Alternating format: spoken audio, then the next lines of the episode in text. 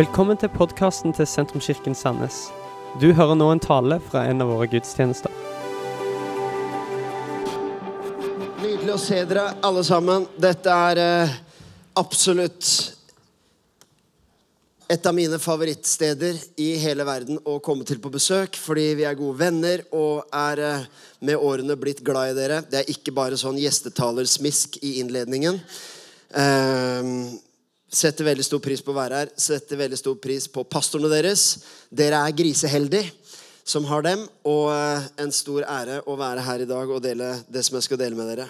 Eh, før jeg leser eh, det som er dagens bibelvers, dagens ord, så skal jeg bare innlede litt med å, å si noe om mitt forhold til kristne bokbutikker. Har dere sånt her i Rogaland? Kristne boksjapper. For jeg syns det er ok å være kristne boksjapper for å kjøpe bøker. Nettopp bøker. Men når jeg går inn i kristne boksjapper i disse dager, så er det veldig mye annet enn bøker. Dette inkluderer vår egen bokbutikk som vi har i vår kirke, som Hermo forlag driver, men butikken er der. Eh, for, og eh, det verste er nemlig rundt juletider. Da er det, da er det veldig mye annet enn bøker. Da da er det som om en kristen boksjappe er som en åndelig versjon av Søstrene Grene. Har dere det her? Det er sånn inter interiørbutikk. Det er alle slags mulig engler og, og, pynt og dekor og alle slags mulig ting. Og du kan henge på veggen og sånne fine cheesy one-liners og alt mulig greier. Det er alt annet enn bøker. Bøkene kommer i bakgrunnen. Hvorfor heter det bokbutikk hvis du ikke selger bøker? Det var det jeg hadde på hjertet i dag. Tusen takk. Nei, det er utrolig mye juggel, og, og eh, det verste av alt er selvfølgelig, som med mye annet Altså, USA har ofte det, både det verste og det beste av en del ting. Og også på dette området så er kristne bokbutikker i USA kan være av de verste. Det finnes noen ting du kan kjøpe som eh, både er på nett og i butikker. En av dem er et produkt du nå kan kjøpe i en kristen bokbutikk, som er en glasskule med Josef og Maria inni en sånn snøkule. Med, nei, unnskyld, Jesus er inni snøkula med Josef og Maria som ser inn. Så kan du riste på han.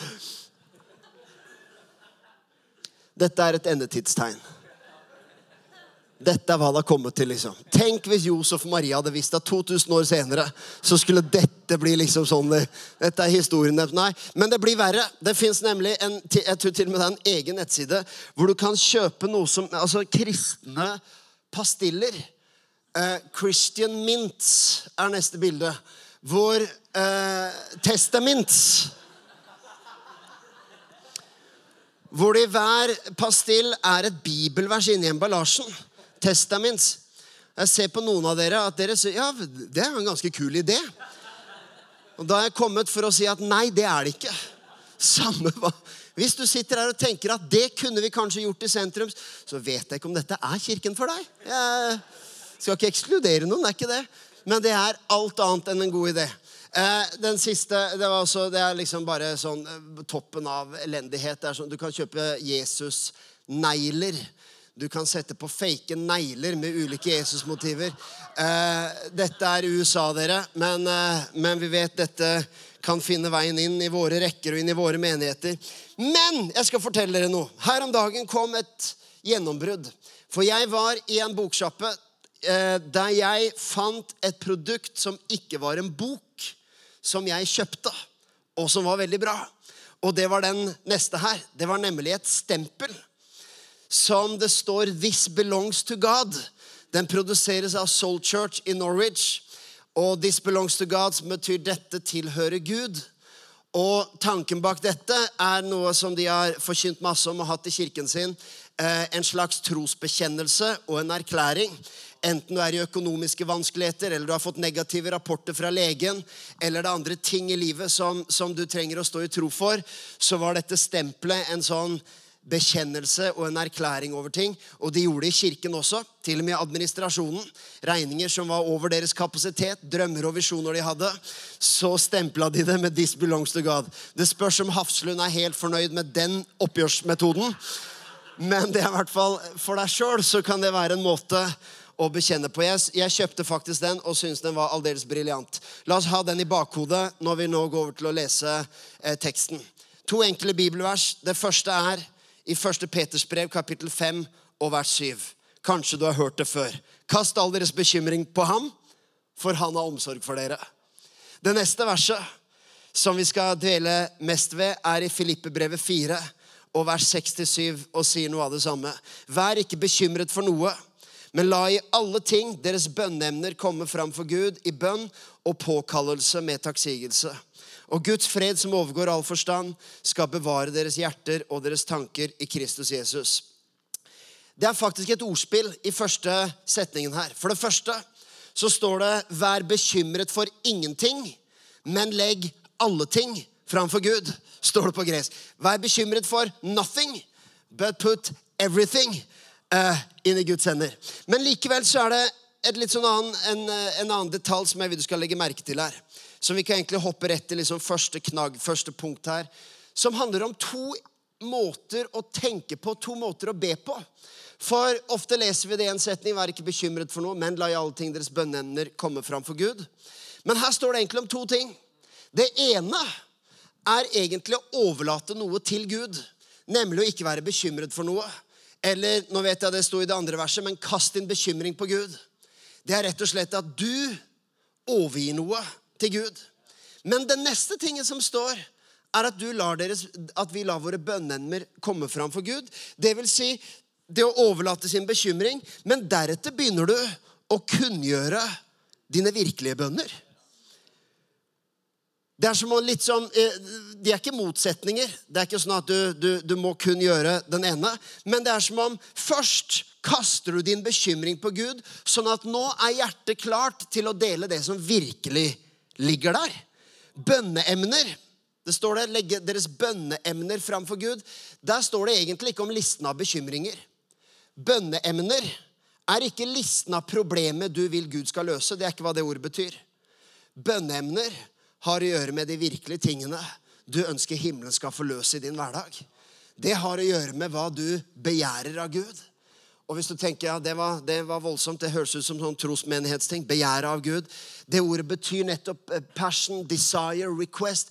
Rett og slett det som, det som er din bekjennelse, din kunngjøring, din proklamasjon, din visjon, dine drømmer, dine håp.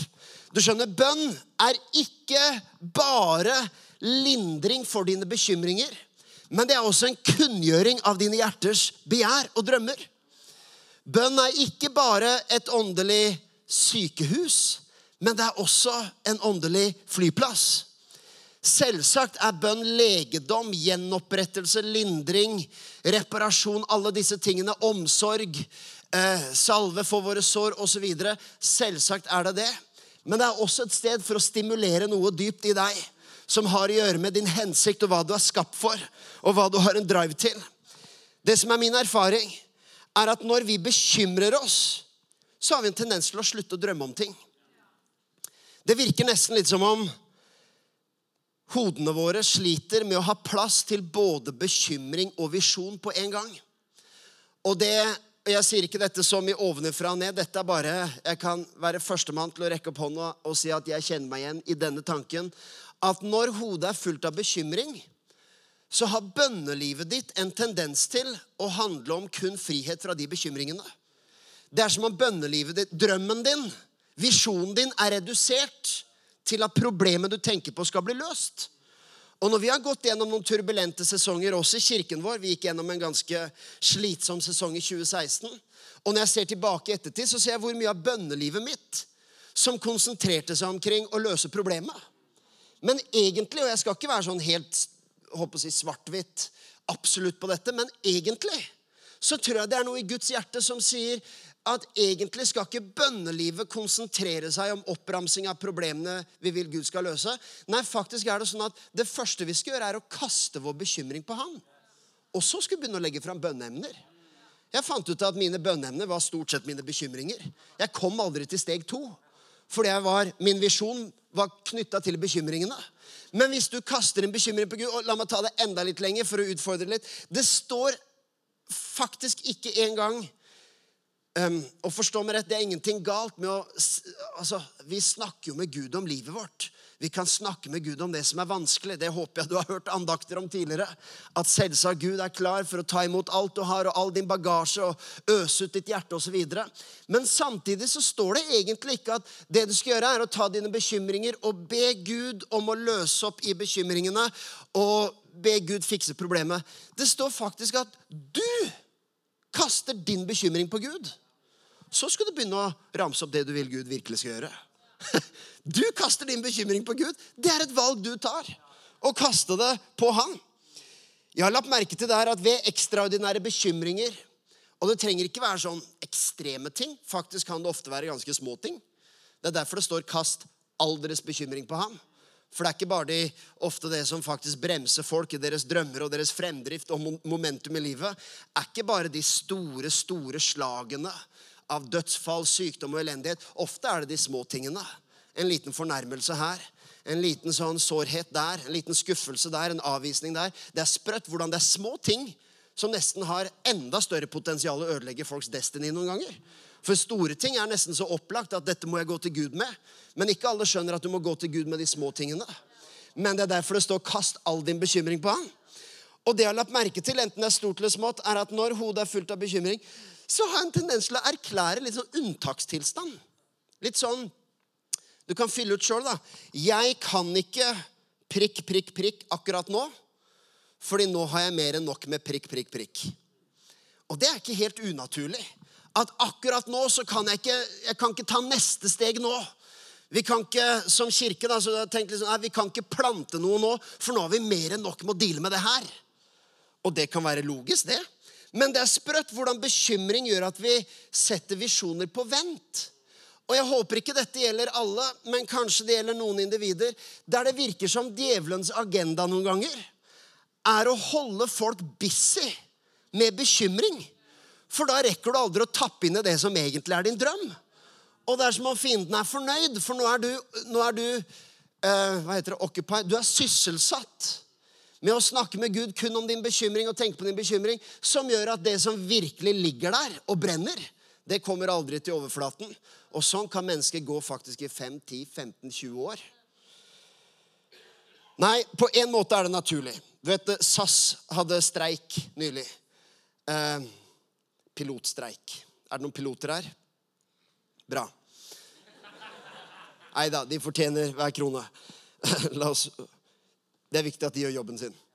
Men når de hadde streik, så er det klart at eh, eh, sett fra utsiden så er det en krise for SAS som selskap.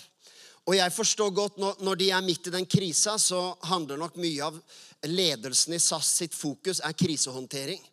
Fordi man forstår at det ville vært absurd, også for oss som kunder og forbrukere. Og vi ble ramma av den streiken en del, hvor uh, vi skulle fly de dagene, og det flyet ble kansellert osv. Og, uh, og ikke lett å få tak i folk og få all informasjon heller. Det fikk jeg bare nevnt det i en bisetning. Uh, ikke noe kritikk mot SAS, men hvis noen i det systemet sitter og hører på nå ikke kast deres bekymring på Gud. Ta det med til administrasjonen og løs det. Men uansett um, det ville vært unaturlig om SAS midt under streiken lanserte nye ruter. Alle skjønner det. At det er ikke tida for å legge opp en femårsplan. Og kjære, kjære forbrukere, nå er det virkelig, nå har SAS store ambisjoner. Det ville vært en provokasjon for de fleste, og de har mer enn nok. Og det forstår jeg. Sånn er det av og til også i livet. At vi, vi går gjennom en turbulens, og vi kommer gjennom noen sesonger hvor det er noen ting vi føler vi må sette på vent. Men det er sånn det av og til er, det som er krevende av og til i forkynnelse, er når ting ikke er svart-hvitt. Det er ikke bare det ene eller bare det andre, men det kan være litt begge deler. Det kan være litt sånn at du må sette ting på vent innimellom. Jeg har gjort det, absolutt. Men jeg har også oppdaga at du kan gå så langt i å erklære unntakstilstand at du glemmer hele destinasjonen din. Det er, det er sånn at vi var inne i denne sesongen som jeg nevnte. Og midt i det så skjedde det et par vitnesbyrd, et par mirakler. Mennesker som kom til tro på en helt vidunderlig måte. Vi ser mange muslimer komme til tro. Per Eivind. Og jeg vokste opp på Furuset og Lindeberg, hvor, hvor, vi har Nordens største moské, blant annet, rett i vårt nabolag. Eh, og den skolen jeg gikk på da jeg gikk på ungdomsskolen, har nå 2% etniske nordmenn. Resten er eh, multietnisk, og det er alle slags religioner. Men midt i denne perioden, i det som jeg tør påstå kanskje var vår vanskeligste måned som pastor noensinne, så er bare, det er bare et lite eksempel. Men det som skjer midt i det, er at det kommer en dame i kirka en søndag. En eh, fra et land i Midtøsten. Hun har bodd i Norge noen år, er egentlig en håpløs situasjon. Og hun har da ringt hjemlandet sitt for å, og ringt en spåkone for hun trengte råd. Og egentlig er sån, Sånne type ting er strengt forbudt innen islam, men det foregår likevel. Så hun har ringt en spåkone og sagt at jeg trenger hjelp i denne desperate situasjonen. Og spåkona i dette landet i Midtøsten sier ja, mm, gjør sånne greier og noe stjernedryss og noe sånn Josef Maria snøkuler og forskjellig. Og så ta en sånn kristen pastill, og så sier hun at 'jeg ser et kors', sier hun. Kanskje du skal oppsøke en kirke? Så hun googler Romerike kirke, finner Romerikskirken, kommer på gudstjeneste, eh, møter Jesus, får sitt første bønnesvar i livet dagen etter. For det er så mange muslimer som aldri De er vant med å be, men de er ikke vant med å få bønnesvar. For de oppdager plutselig når du ber i Jesu navn Dette er en påminnelse til oss kristne. Så skjer det ting! Er ikke det helt sjokk?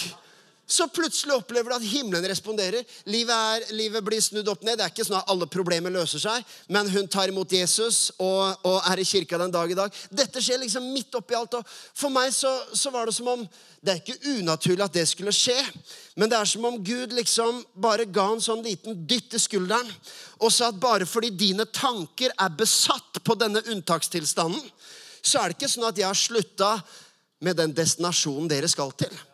Det er ikke sånn at det dere er du vet, Det er litt som hvis du skal kjøre fra Sandnes til Kristiansand. Du skal til Kjevik. E39, er det det man kjører da? Så kjører du dit, og så blir det kø. Det blir trafikkork. Så er det ikke sånn at du møter på en kø og tenker Nei, her er en trafikkork. Jeg drar til Bergen i stedet. Å dra dit er i utgangspunktet ikke alltid en god idé, men eh, enda mindre hvis du hadde tenkt et annet sted. Nei, det er faktisk sånn at det er kø. Eh, du kan finne andre veier, kan gå an. Eller du må smøre deg med tålmodighet. Men destinasjonen endrer seg ikke. Illustrasjonen er latterlig enkel, men det er sprøtt i det åndelige livet. Hvordan mennesker av og til endrer destinasjon fordi de møter på trafikktrøbbel så plutselig man hadde en drøm, man hadde en retning. Jeg snakker ikke om bare liksom én liten konkret ting, men kanskje mer ja, verdiene, retningen, det man trodde på, overbevisningene man hadde. Så møter man det som vi alle gjør. Stagnasjon, utfordringer, turbulens, trafikkproblemer. Og så er det litt som om vi, vi, av og til i vår generasjon også har vi litt sånn, vi vil være med så lenge det er moro, men nå var det ikke gøy lenger. jeg blir ikke med. Og så endrer man destinasjon helt. Men saken er at om du sitter fast, yes, det kan gå litt saktere. Vi pastorer kan oppleve av og til at ting går saktere enn det vi hadde drømt om. Men enten det går fort og veien er åpen, eller det går altfor sakte og det er mange hindringer, så er saken at den destinasjonen Gud har lagt i hjertet, den endrer seg ikke. De bønneemnene som Gud vil du skal snakke med Han om. Så kunne du si ja, men vet ikke Gud hvilke bønneemner det er? Trenger jeg si de? Ja visst. Det er et kjempeåpenbaring i hva skal jeg si, Teologien er dette viet ganske mye oppmerksomhet. Men én ting er at Gud er allviten og vet hva du trenger. Men legg merke til Jesus når han går omkring. Så spør han for eksempel, kjent eksempel, han spør en blind mann som roper etter Jesus, og Jesus svarer, 'Hva vil det jeg skal gjøre for deg?' Jeg vil ha to års medlemskap i KS. Nei, han er blind. Han vil ha synet tilbake. Likevel så er det som om Jesus framprovoserer at du må si det med din munn. Du må kunngjøre ditt bønneemne. Du må bekjenne det. Jeg sier ikke at det er en slags teknikk. Jeg bare sier at på en eller annen måte så ønsker Gud at du skal kaste din bekymring på ham, sånn at du kan begynne å kunngjøre, bekjenne og gjøre kjent for himmelen det som er din virkelige bønn. Det som er destinasjonen. Det som er drømmen din. Og Gud vil ikke, tror jeg, at du skal vente med dine reelle bønner til problemene er over. Det er fort gjort. Med en gang denne sesongen er over, da skal jeg begynne å virkelig ta tak i ting.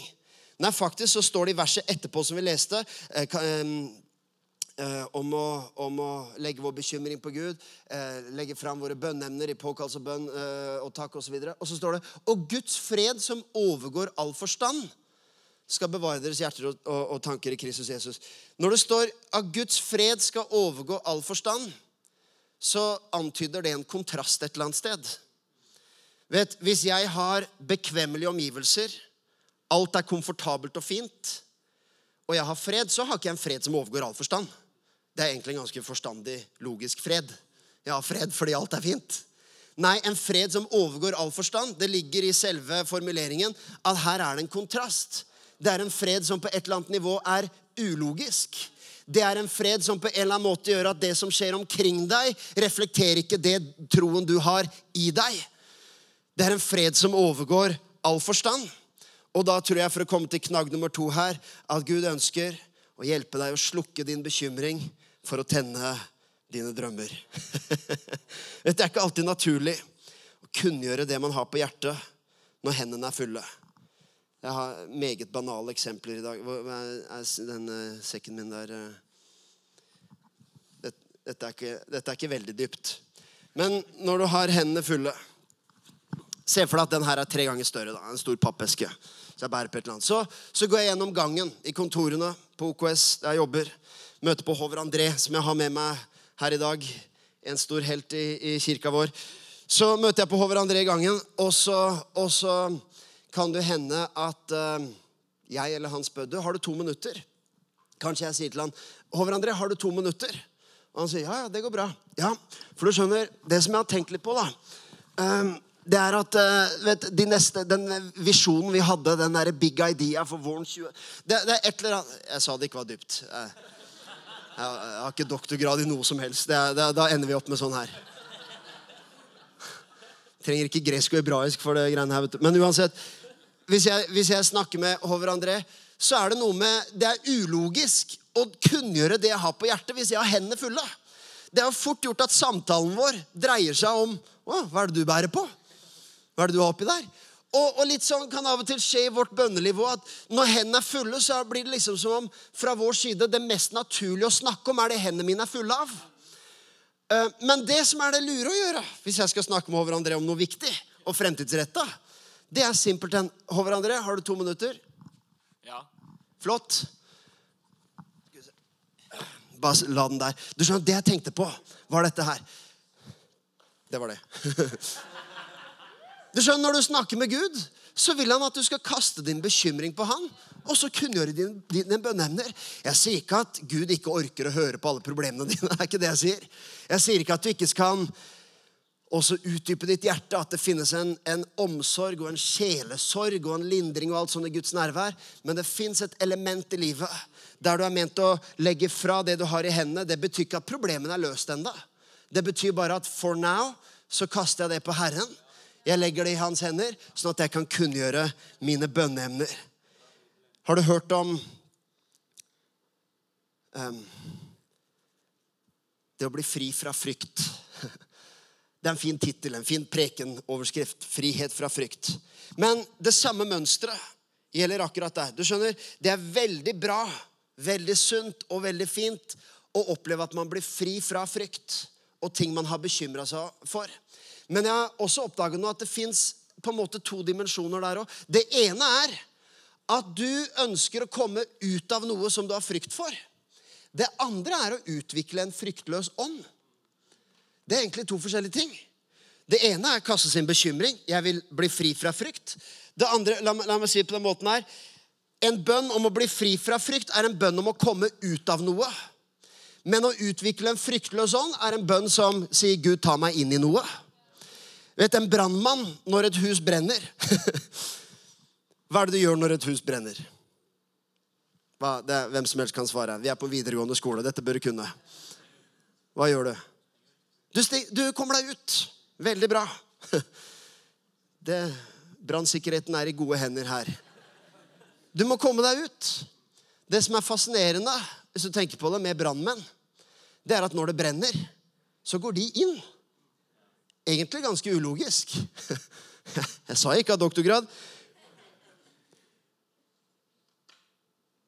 Av og til så er min bønn, spesielt når det er turbulens, er Gud, hjelp meg ut av der det brenner. Men vet du hva som virkelig er de bønnene, og hvis jeg får lov å bruke sånne ord, som djevelen er redd for? Det er når du ikke, ikke bare ditt bønneliv er Gud, hjelp meg ut av det, hjelp meg ut av det, men det er Gud, hjelp meg med å gå inn der. Jeg vet det brenner, men hvorfor er det at en brannmann har guts til å gå inn i en brann? Jo, for han vet at han har en hensikt der. Han har en jobb å gjøre. Han har en rolle å spille.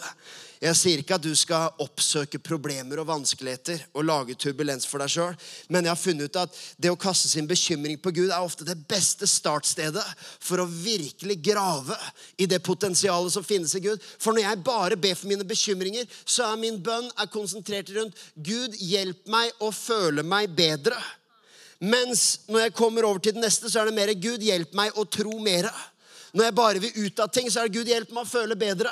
Mens når jeg sier Gud ta meg inn i noe, så er det som Gud hjelp meg å tro når vi går inn i Og vet du hva, en fryktløs ånd Nå går det fort her. Stakkars tolken. Jeg er den verste å tolke i OKS. Alle tolkene hater og, og nå er lenge, Jeg har slutta med de veddeløpsgreiene, sånn, men jeg pleide å gi de ekstra utfordringer. Vet du, Veddeløpsbane, sant? Hesten med samholdsvart på utvendig kommer i dødsposisjon innvendig, og i femtevalget har vi Black Star, og det kan være som det var oppe, oppe på siden, og der galopperer hesten med fire svire i rumpa, så kommer hesten med åtte kvire i heirasken, og hesten med også åsamortrasken, og det kan sette, vil bli en favorittseier, men der kommer Black Star, og der galopperer jammen sier hesten med to fire i heirasken også, og det kan jo på oppe siden, og så er det femtevalget Black Star som tar hjem en favorittseier her i sjette fra, Bjerke Trabane, og din trippelås på 35,6, en dobbeltås for 4,2. Vi har en totalomsetning på 24,2 millioner her i dag. Og vi er tilbake med det sjuende veiseløpet fra Bjerketrammene etter annen gang fotballkampen. Den er lenge siden jeg har tatt. Men det er bare for å erte tolkene. Det er bare for å mobbe tolkene. Ja, ja, det er sikkert åtte år siden jeg tok den. Gratulerer, sentrums. Jo, en fryktløs ånd er ikke det samme som å aldri være redd. Tvert imot.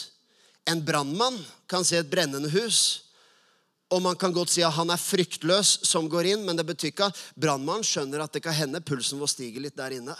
Kan hende at det der blir, eh, det kan bli spenning, og vi må være konsentrert. Men det er som om han skjønner at han kan frykte, men han frykter ikke frykten. Og det er litt av og til sånn i dette livet òg.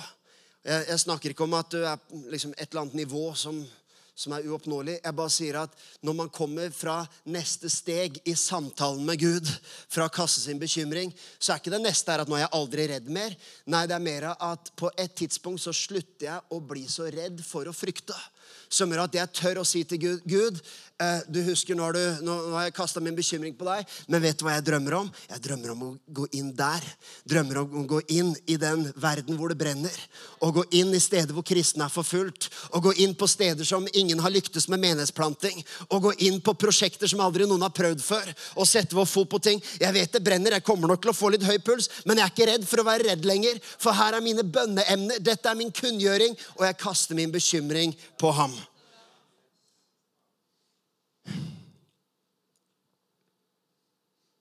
Vi er overvinnere. Står det i Bibelen. Vi er mer enn overvinnere. Men jeg har også tenkt litt på den. Ikke, det å være en overvinner er jo egentlig ikke Du er ikke en overvinner bare fordi du ikke har problemer lenger. Egentlig. Jeg kan jo si det. Um, og målet her, kjære sentrum, det er ikke at jeg, skal, jeg har kommet for å preke dere inn i problemer. Men det er spennende, også som pastor, Per Eivind. Jeg har funnet ut at vi ofte, vår hverdag kan ofte ende opp med å bli brannslukking og problemløsing. Men det er nydelig å tenke på at jobben vår er ikke bare å løse problemer og slukke branner, men det er også å tenne noen og lage litt problemer.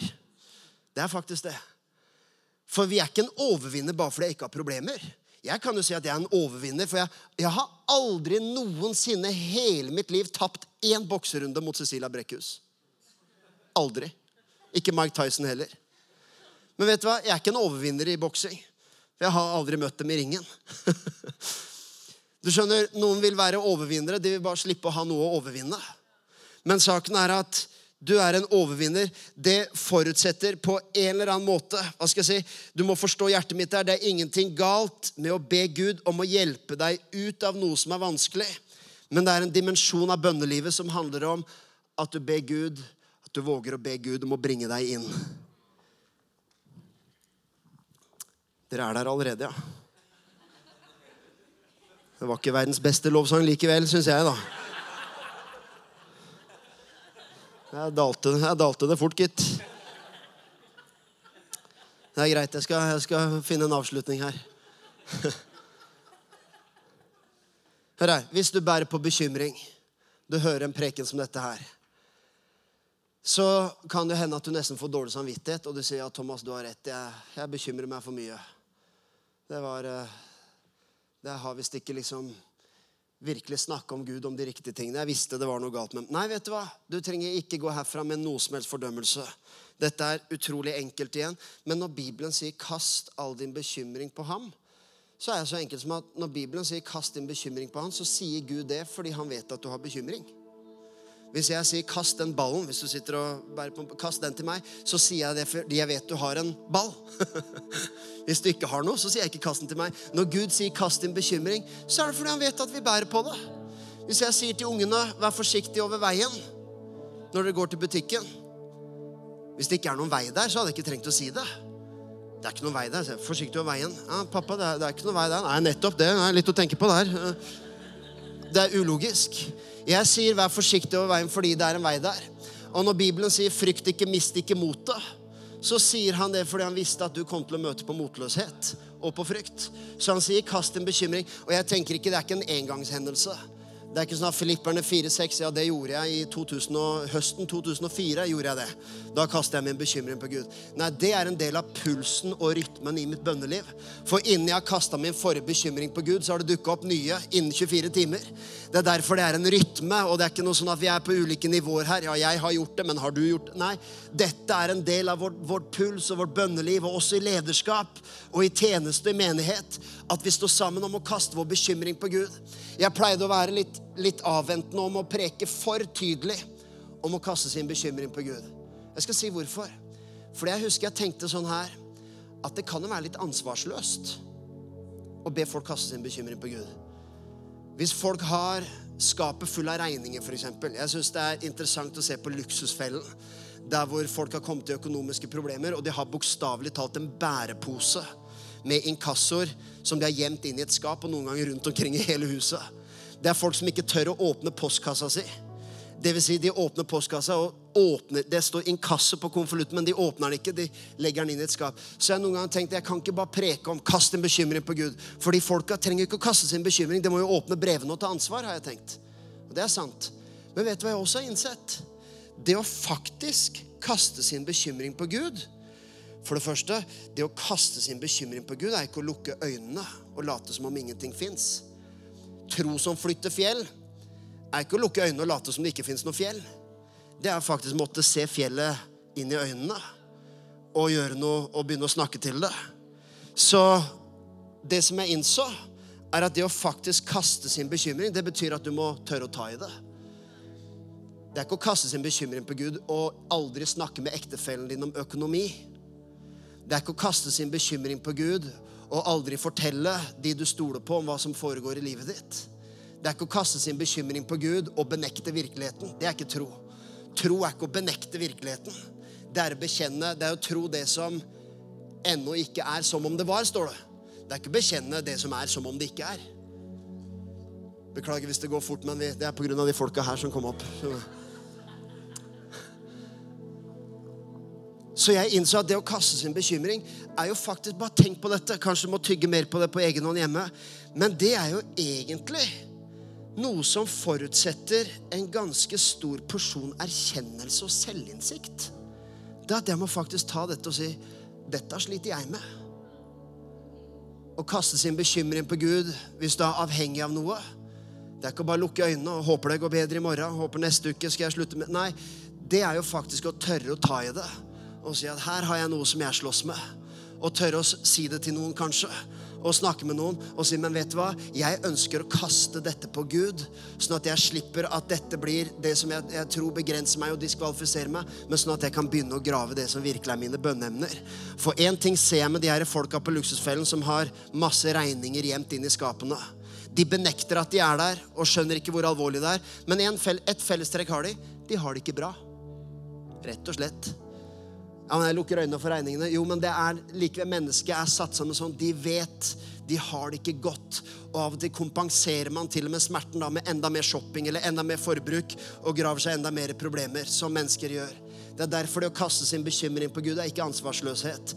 Det er en skikkelig erkjennelse. Det er en ordentlig synsbekjennelse. Ikke som et ritual og du ramser opp alt du har gjort galt, men som en virkelig ærlig bønnehandling. Gud, se hva jeg har i livet mitt. Dette tilhører deg. This belongs to God. Så kan du stemple det. Du kan stemple det, enten det er, sier ikke du skal stemple alle regningene og så legge de tilbake inn i skapet. Men du kan stemple det og erklære det framfor himmelen at dette har jeg fått muskler til å ordne opp i. Dette har jeg visdom. Jeg har visdom fra himmelen. Jeg har mennesker omkring meg. This belongs to God. Gud skal forsørge for meg. Gud skal hjelpe meg. Gud skal ta meg videre. This belongs to God. Du kan ta sykdomsrapporter. Du kan ta dårlige nyheter du har i livet ditt akkurat nå. Du kan ta om det er noen her som har fått dårlige beskjeder fra skolen om barna dine. At de blir mobba, eller de mobber. Du har fått noen rapporter som uroer deg, som gjør at nesten ditt bønneliv nå, de gangene du ber, så handler det om dette, og det er ok. Det er helt, helt ok. Men kanskje noen akkurat i dag, uansett hva det gjelder Jeg har ikke det stempelet med meg, men du kan i ditt hjerte bare stemple det og si This belongs to God. Og for noen her skal ikke gjøre det mer dramatisk enn det trengs, men jeg tror for noen individer så er det sånn at det er et gjennombrudd i dag. Rett og slett. Fordi enten at uh, du har klart å holde deg så sysselsatt på bekymring så lenge at det er så lenge siden du har snakka med Gud om neste steg, drømme. Du har snakka så mye med Gud om hva du vil ut av, at du har fullstendig glemt å snakke med Gud om hva du vil inn i. Og det er som om i dag er det tid for et gjennombrudd. Det betyr ikke at alle problemer er løst fra og med i dag men du skal få et gjennombrudd i ditt liv med Gud, for du kan kaste din bekymring på Han. Og hør her, Hvis du sier, 'Thomas, det er lett for deg å si' Siste tanken også er ferdig. Så sier Thomas, 'Det er lett for deg å si'. Du vet ikke hva jeg sliter med, du vet ikke hva jeg har gått gjennom. Og mitt svar til det er alltid nei. Det vet jeg ikke. Og det er ikke min jobb heller. Noen tror at det er en pastors jobb å forstå alt og alle. Nei, det er ikke min jobb. Min jobb er å koble deg med han som bor i deg, som forstår. For uansett hvor lavt du har gått, så er det en som gikk lavere. Jesus gikk til korset. Han gikk gjennom Getsemane-hagen. Han, han, visste hva han gikk inn i. Han hadde en fryktløs ånd, men det var ikke uten frykt.